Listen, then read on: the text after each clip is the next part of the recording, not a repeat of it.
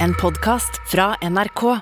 De nyeste episodene hører du først i appen NRK Radio. Но, друзья, это все неправда. Мы его просто тупо спиздили. Ja, lyden eh, dere hørte her nå, den stammer fra en eh, en som kaller seg en ukrainsk sigøyner, og det han gjør, det er at han stjeler eh, en russisk tanks ved hjelp av en traktor. En skikkelig røverhistorie fra Ukraina. Absolutt. En skikkelig røverinnsats også i krigen mot, eh, mot en invaderende makt. Absolutt. Det, og dette klippet da, det ligger på nettet og kan bare anbefales. Og russeren som springer etter og prøver å stoppe dem. Det Liksom. er fantastisk helt utrolig. det er eh, det der.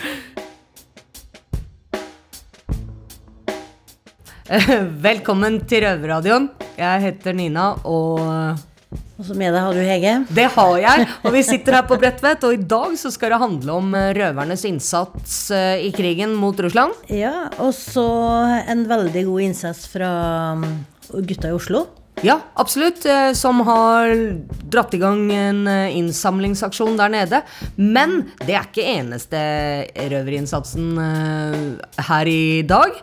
Fordi i en tid med pandemi og krig og elendighet, så er det jo lett å både miste motet og annet. Mm, og da er det viktig å høre noen morsomme historier. Som alle, alle elsker å høre noen røverhistorier. Ja, det er boosting av krigsmoral på høyt nivå. Ja. Først ut, over til Oslo fengsel og innsamlingsaksjon. Det er oftest mye dritt som skjer i verden. Og vi som sitter her, er jo frihetsberøva, så det er jo begrensa hva vi kan få gjort og, eh, og bidra med, da. Men eh, vi kan gjøre det vi kan. Og i dag tenker vi å snakke litt angående om eh, situasjonen i Ukraina. Her står jeg med Dennis.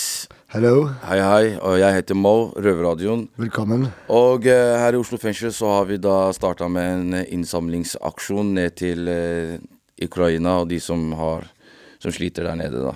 Dennis, har du hatt noen tanker eh, Eller har du hatt noen tanker rundt det med innsamlinga til Ukraina, og hva syns du om det?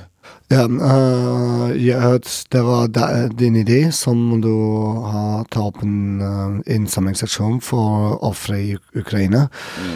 Um, så da hadde vi en uh, møte med fengselet.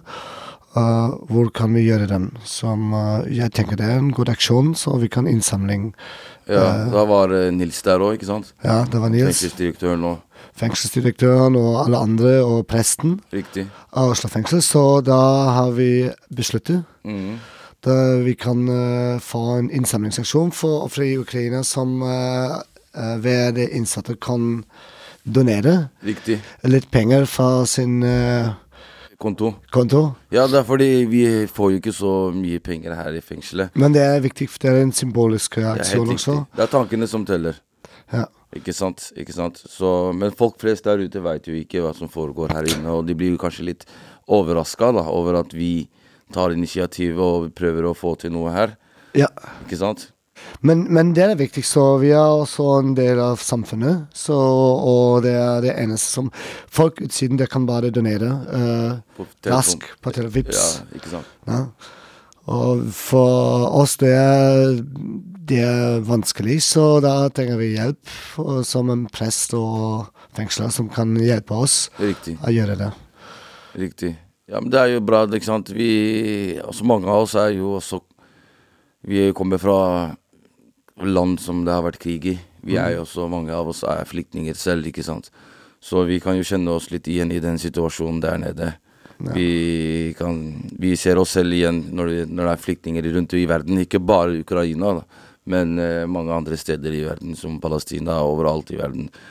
Så det er eh, det er et tema som treffer oss alle sammen, tenker jeg da. Ja, det tenker jeg også. Og vi har også ukrainske innsatte her, og det er Har vi det, eller? Det visste jeg ikke. Det har vi, ja. Det er ukrainske polis og Ok.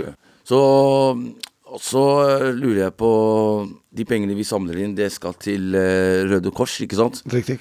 Ja, så den litt et spørsmål som jeg har til deg inntil, det var at eh, hvordan er det Altså Når ting skjer der ute, hvordan tror du innsatte her i fengselet føler seg når det skjer krig eller ting som kan påvirke oss der, som skjer ute, da?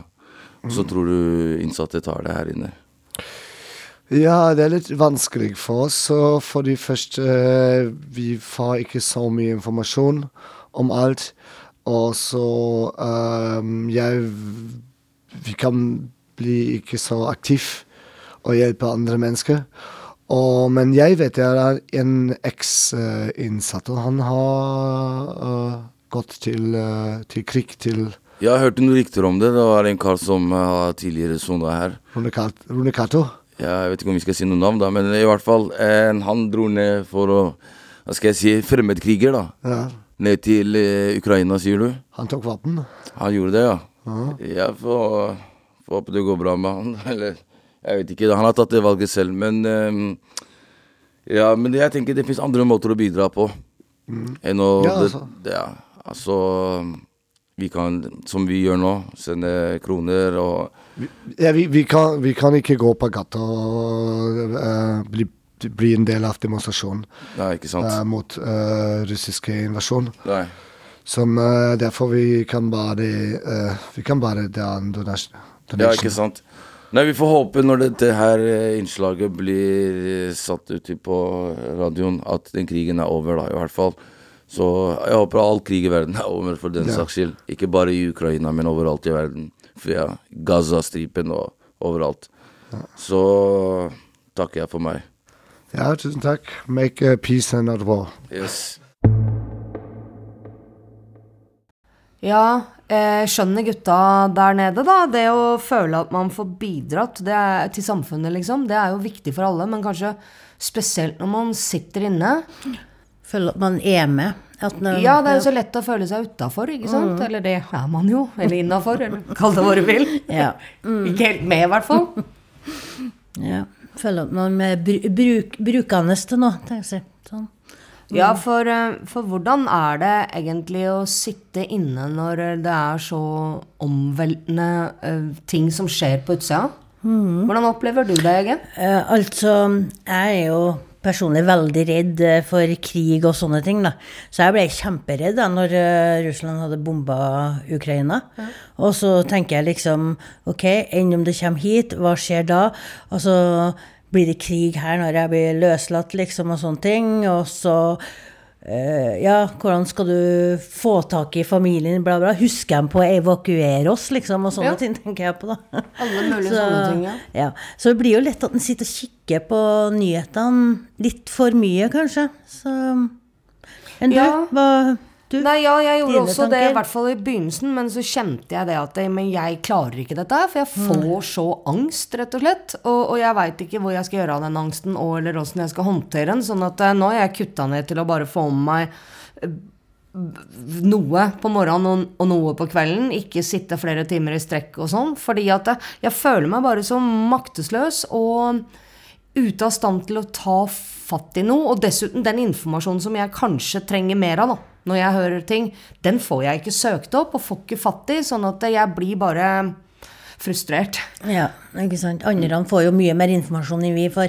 fra nettet og ja, sånne ting. Det, Ja, eller da kan du jo spisse søke, ikke sant? Da kan du Mm. jo søke det du føler er viktigst, som du trenger svar på. Det, den muligheten har ikke jeg i hele tatt. Da blir man bare overblassa av informasjon på Ja. alle kanter. masse negative Ja. ting som ja, du får mye Det- av ellers, så det blir mm. Ja, og så nå er vel eh, katastrofekvota ganske full, på en måte, etter to år med korona. Og, og, og, og, og nå dette, ikke sant? Så um, ja. jeg klarer ikke så mye mer, skjønner kjenner jeg. Eh, Så derfor skal vi gå over til noe annet, til en røverhistorie. Ja, det er bra. Ja. Det er mm, en så Chico som skal på tur til Australia. Ja, akkurat som eh, Egon Olsen i eh, banden her, som har en plan, så hadde Chico også det. Ja, men det går ikke alltid som en planlegger. Nei, ikke som vi røvere planlegger, i hvert fall. Nei. Det går litt gærent. Blir en morsom historie, da. Ja, vi får høre.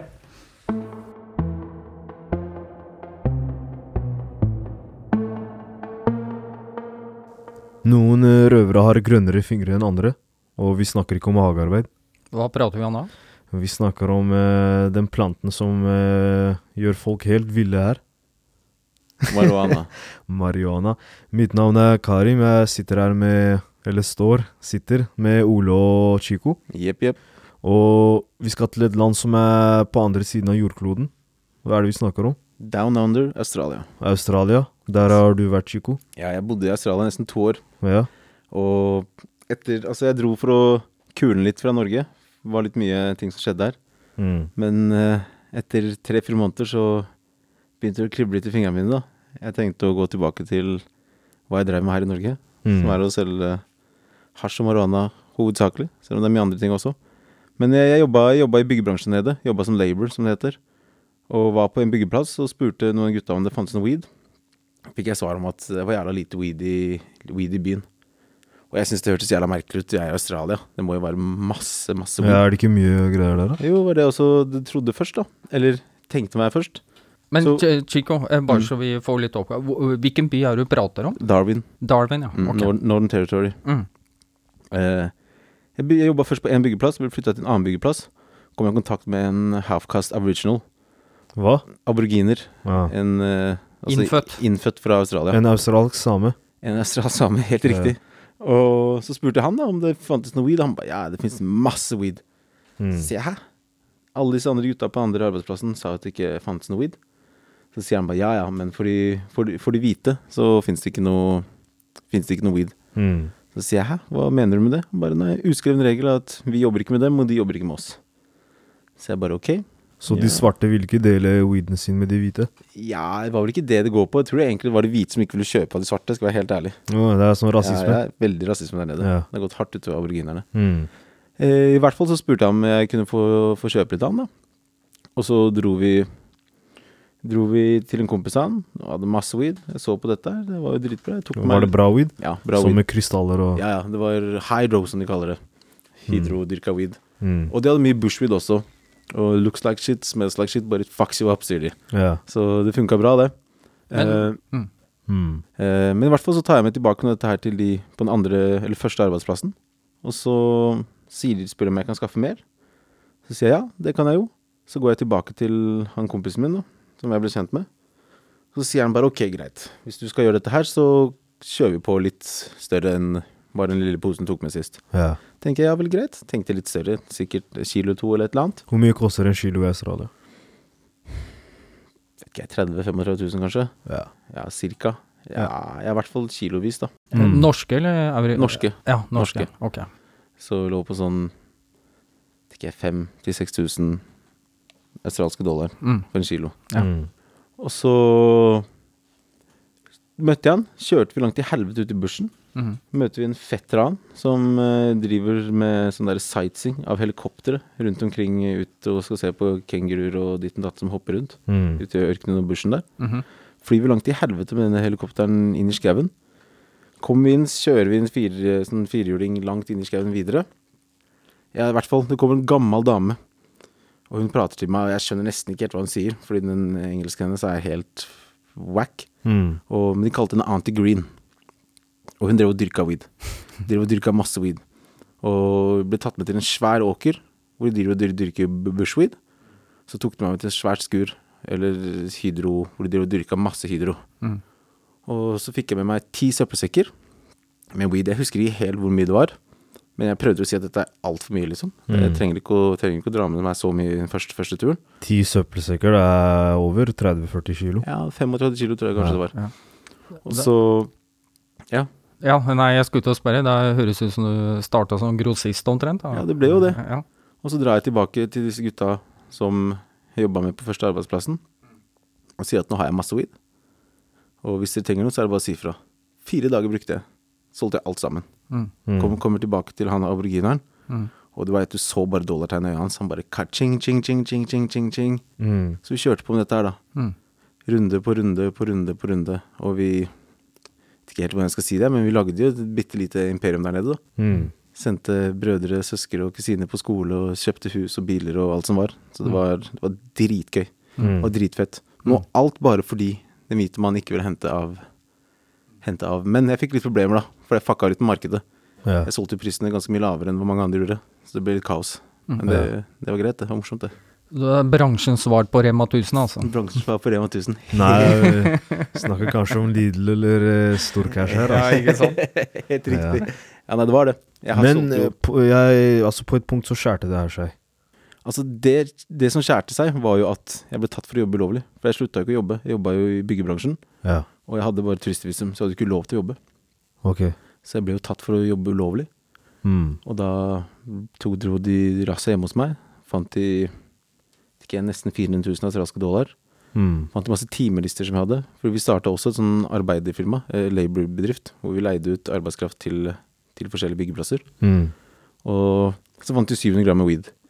Weeden fikk jeg sagt at det var til eget bruk, og at jeg hadde kjøpt inn stort. Så jeg ble aldri tatt for å selge noe weed i Australia. Men det er ganske strenge straffer i Australia, er det ikke? Nei, jeg fikk 90 dager. 90 dager? Ja. Mange kilo var det snakk om, da. Nei, jeg ble bare tatt med 700 gram. Ja, ja, ok. Mm, så det var ikke noe Ja, sånn. men to-tre millioner norske kroner, da. Ja, helt Ja. riktig. Ok. Så, det Så da var du i fengsel da, i Australia. Ja, satt i fengsel i Australia. Hvordan er fengsel i Australia? Det er hardt. Men den historien kan jeg ta til en annen gang.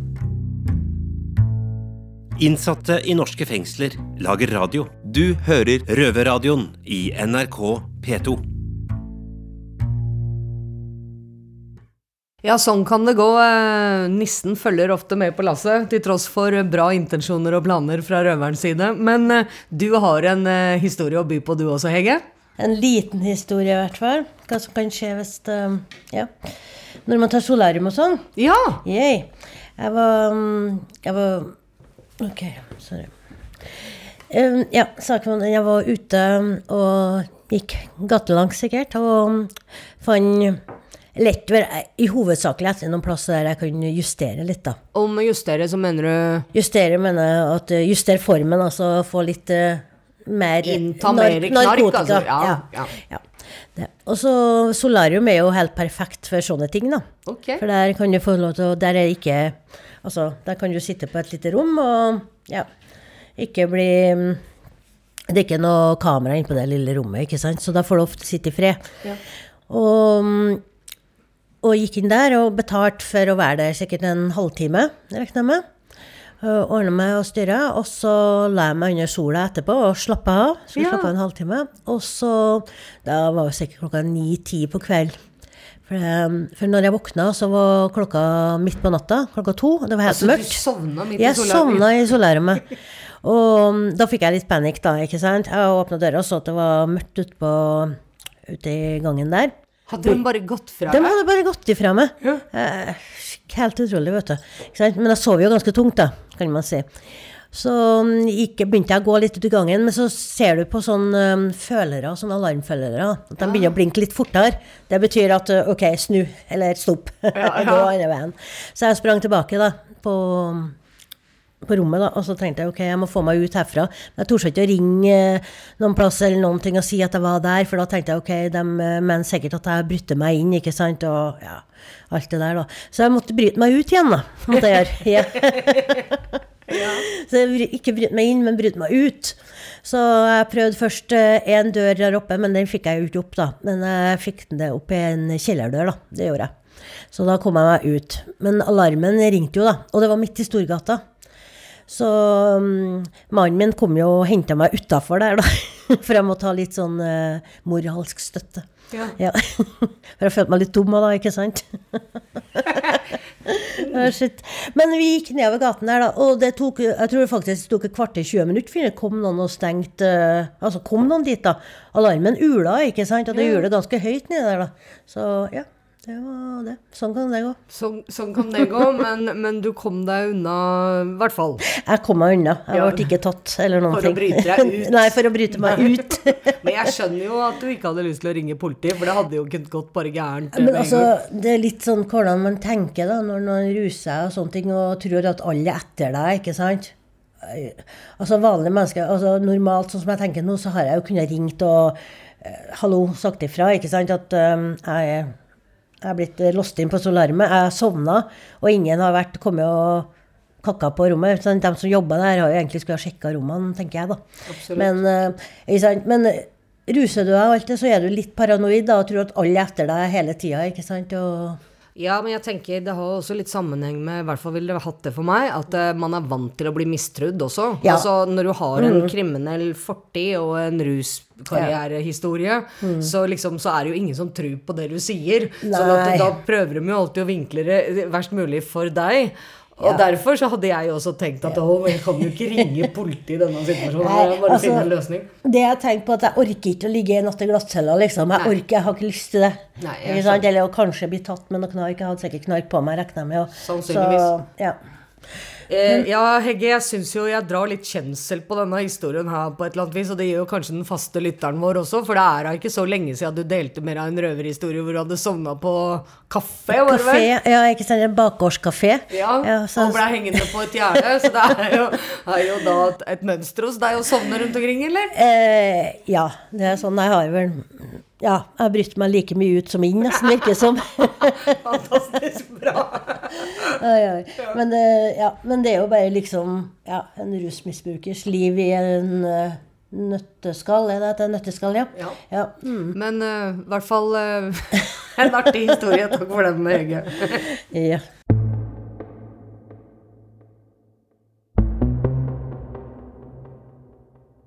Men uh, den sendinga her har handla om litt forskjellige ting. Og Ja. starta med litt uh, om krigen i Ukraina og alt det tragiske som skjer der. Mange som eh, må dra fra hjemmene sine og bare leve i en koffert. Absolutt. Mm, og så når vi snakker noe om hjem, da Du har jo skrevet noe om hjem. Hjemløshet. Jeg har det. Jeg har noen tanker rundt det, så jeg skrev en liten tekst som jeg skal lese opp. Når jeg ble arrestert, så mista jeg alle tinga mine. Det er litt som om huset mitt hadde brent ned til grunnen, og jeg sto rett og slett på bar bakke. Det å ikke ha et hjem, det gjør noe fundamentalt med et menneske. For de fleste av oss tar for gitt at vi har et hjem, og den identiteten og tilhørigheten det gir. Hvis man havner i fengsel og ikke har noen på utsida som kan ta vare på sakene dine, så går de rett og slett tapt. Sjøl mista jeg leiligheten min og alt som var inni. Det verste ved dette var alle minnesakene, de er jo uerstattelige. Alle bildene av barndommen, familieliv, ferier og opplevelser av alle slag blei borte. I mitt tilfelle så blir dette ekstra sårt fordi familien min er døde, så jeg kan ikke engang få bilder av andre familiemedlemmer. Jeg prøver å minnes ansiktene deres hver kveld, sånn at jeg ikke skal glemme dem. Nå har jeg bodd i ulike fengselsceller i nesten ti år, og jeg lengter vilt etter et eget hjem igjen. Dog har jo fraværet ført til at jeg fra tid til annen omtaler fengselet som hjem av et uhell. Eh, Jeg opplevde i forrige uke å si etter en tur i skolebygningen at jeg skulle gå hjem, og det, det bare gjorde meg trist. For da blir kontrasten mellom frihet og fengsel så veldig tydelig. Et hjem burde jo representere trygghet, glede og frihet til å være seg sjøl, syns jeg. Det å stå opp av senga og rusle ut i kjøkkenet for å sette på kaffen og bare nyte en stille og rolig morgen, det framstår for meg som den høyeste luksus. For i et fengsel så er du aldri aleine. Ja, men det kan vel være hyggelig, tenker kanskje noen, men, eh, men det er ikke sånn jeg opplever det. Innafor murene så er man tvangssosialisert med en masse mennesker som man kanskje ellers ikke ville valgt å omgås. Og det sier seg jo sjøl at de fleste av dem har sitt eget å stri med. Og det å holde hjula i gang da, det blir på en måte som å være konstant på jobb i en jobb du hater. Og selv om du går på di, så kan du aldri være sikker på at døra ikke åpnes igjen av en betjent. Og summen av alt dette kan jo ikke bli noe annet enn stress, og da føler man seg jo ikke akkurat hjemme. Iblant så drømmer jeg om at jeg ikke er i fengsel, men bor et sted på ordentlig. Å våkne opp etter sånne drømmer er tungt. Da er de dagdrømmene og planene jeg har for hvordan jeg ønsker å ha det etter soning, langt mer oppløftende. Ta belysning som et eksempel. Tanken på at jeg en dag kan slippe det grelle lyset fra lysstoffrørene, og i stedet ha mange små, koselige lyskilder, gjør meg glad. Noe så enkelt som et luktlys er noe jeg faktisk gleder meg helt vilt til å få. Små gleder, tenker du kanskje. Eh, men man skjønner ikke helt verdien av det å kunne velge sjøl før du mister den muligheten. Når disse små gledene i hverdagen er borte, finner man ut hva som virkelig betyr noe, og hva som gjør en glad, og at en trives. For meg så er det et hjem med fine farger, gode lukter og vennlig belysning. Og jeg tror ikke heller at eh, det er å drømme for stort eller urealistisk, så jeg føler faktisk at dette kan bli mitt en vakker dag. Jeg gleder meg til jeg ikke er hjemløs lenger. Det var en veldig, veldig fin tekst, og til veldig ettertanke, liksom. Blir, jeg blir veldig trist av å tenke på det, på en måte. Det var jo ikke min mening, da. Og meninga med denne sendinga var jo å booste moralen til det norske folk, så, så, jeg får jo håpe at vi har fått gjort litt av det også, men mm. Ja, det har vært en sending med, opp, med moro og mye alvor. Så ja. Absolutt. Men vi lever jo i en alvorlig tid. Og jeg lagde jo Jeg tenkte jo på denne teksten min før krigen kom også, men den blir jo um, absolutt eh, gir jo ettertanke, og jeg tenker at eh, viktigheten å dra ut av dette her blir at uh, det norske folk og verden for øvrig åpner hjertet sitt og lommeboka si for eh, de 2,5 millionene per dags dato som er på flukt. Ja. Yes, og da, da, er vi ferdig med sendinga for i dag. Det er vi, mm. men vi er tilbake, vet du. Allerede på søndag klokka 20.30 på NRK P2. Ja, eller eh, på um, podkast. Hvor og når du vil. Hvis du ikke sitter i fengsel, naturligvis. Ja, hva skal du, hva skal du gjøre etterpå på cella? Eh, jeg eh, skal ut på en kortperm i dag, men jeg tenkte det at eh, Kanskje fundere på om det er noe vi her på Bredtvet, eller jeg, da, kan bidra med også i, mm. i, i, til krigen. Ja, for det er kanskje ikke mm, I hvert fall ikke den Fengselet har ikke så veldig mye penger å rutte med, og sånne ting, men vi har masse tid. Og da går det an å strikke og hekle pledd og luer ja. og votter og sokker og Godt tenkt, mm -hmm. godt tenkt, Hege. Det var jo det vi gjorde, husker jeg, til Syria-krisen der også. Så ja. kanskje det går an å dra i gang noe sånt, ja. Ja, mm. det kan vi tenke. I like it. Ok. Vi snakkes. Det gjør vi. Adios. Adios.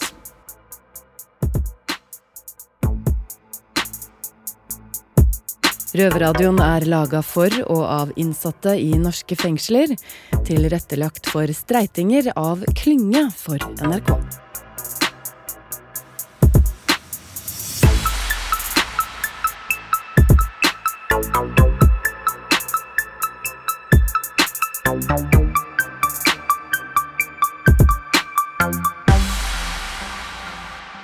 Du har hørt en podkast fra NRK. De nyeste episodene hører du først i appen NRK Radio.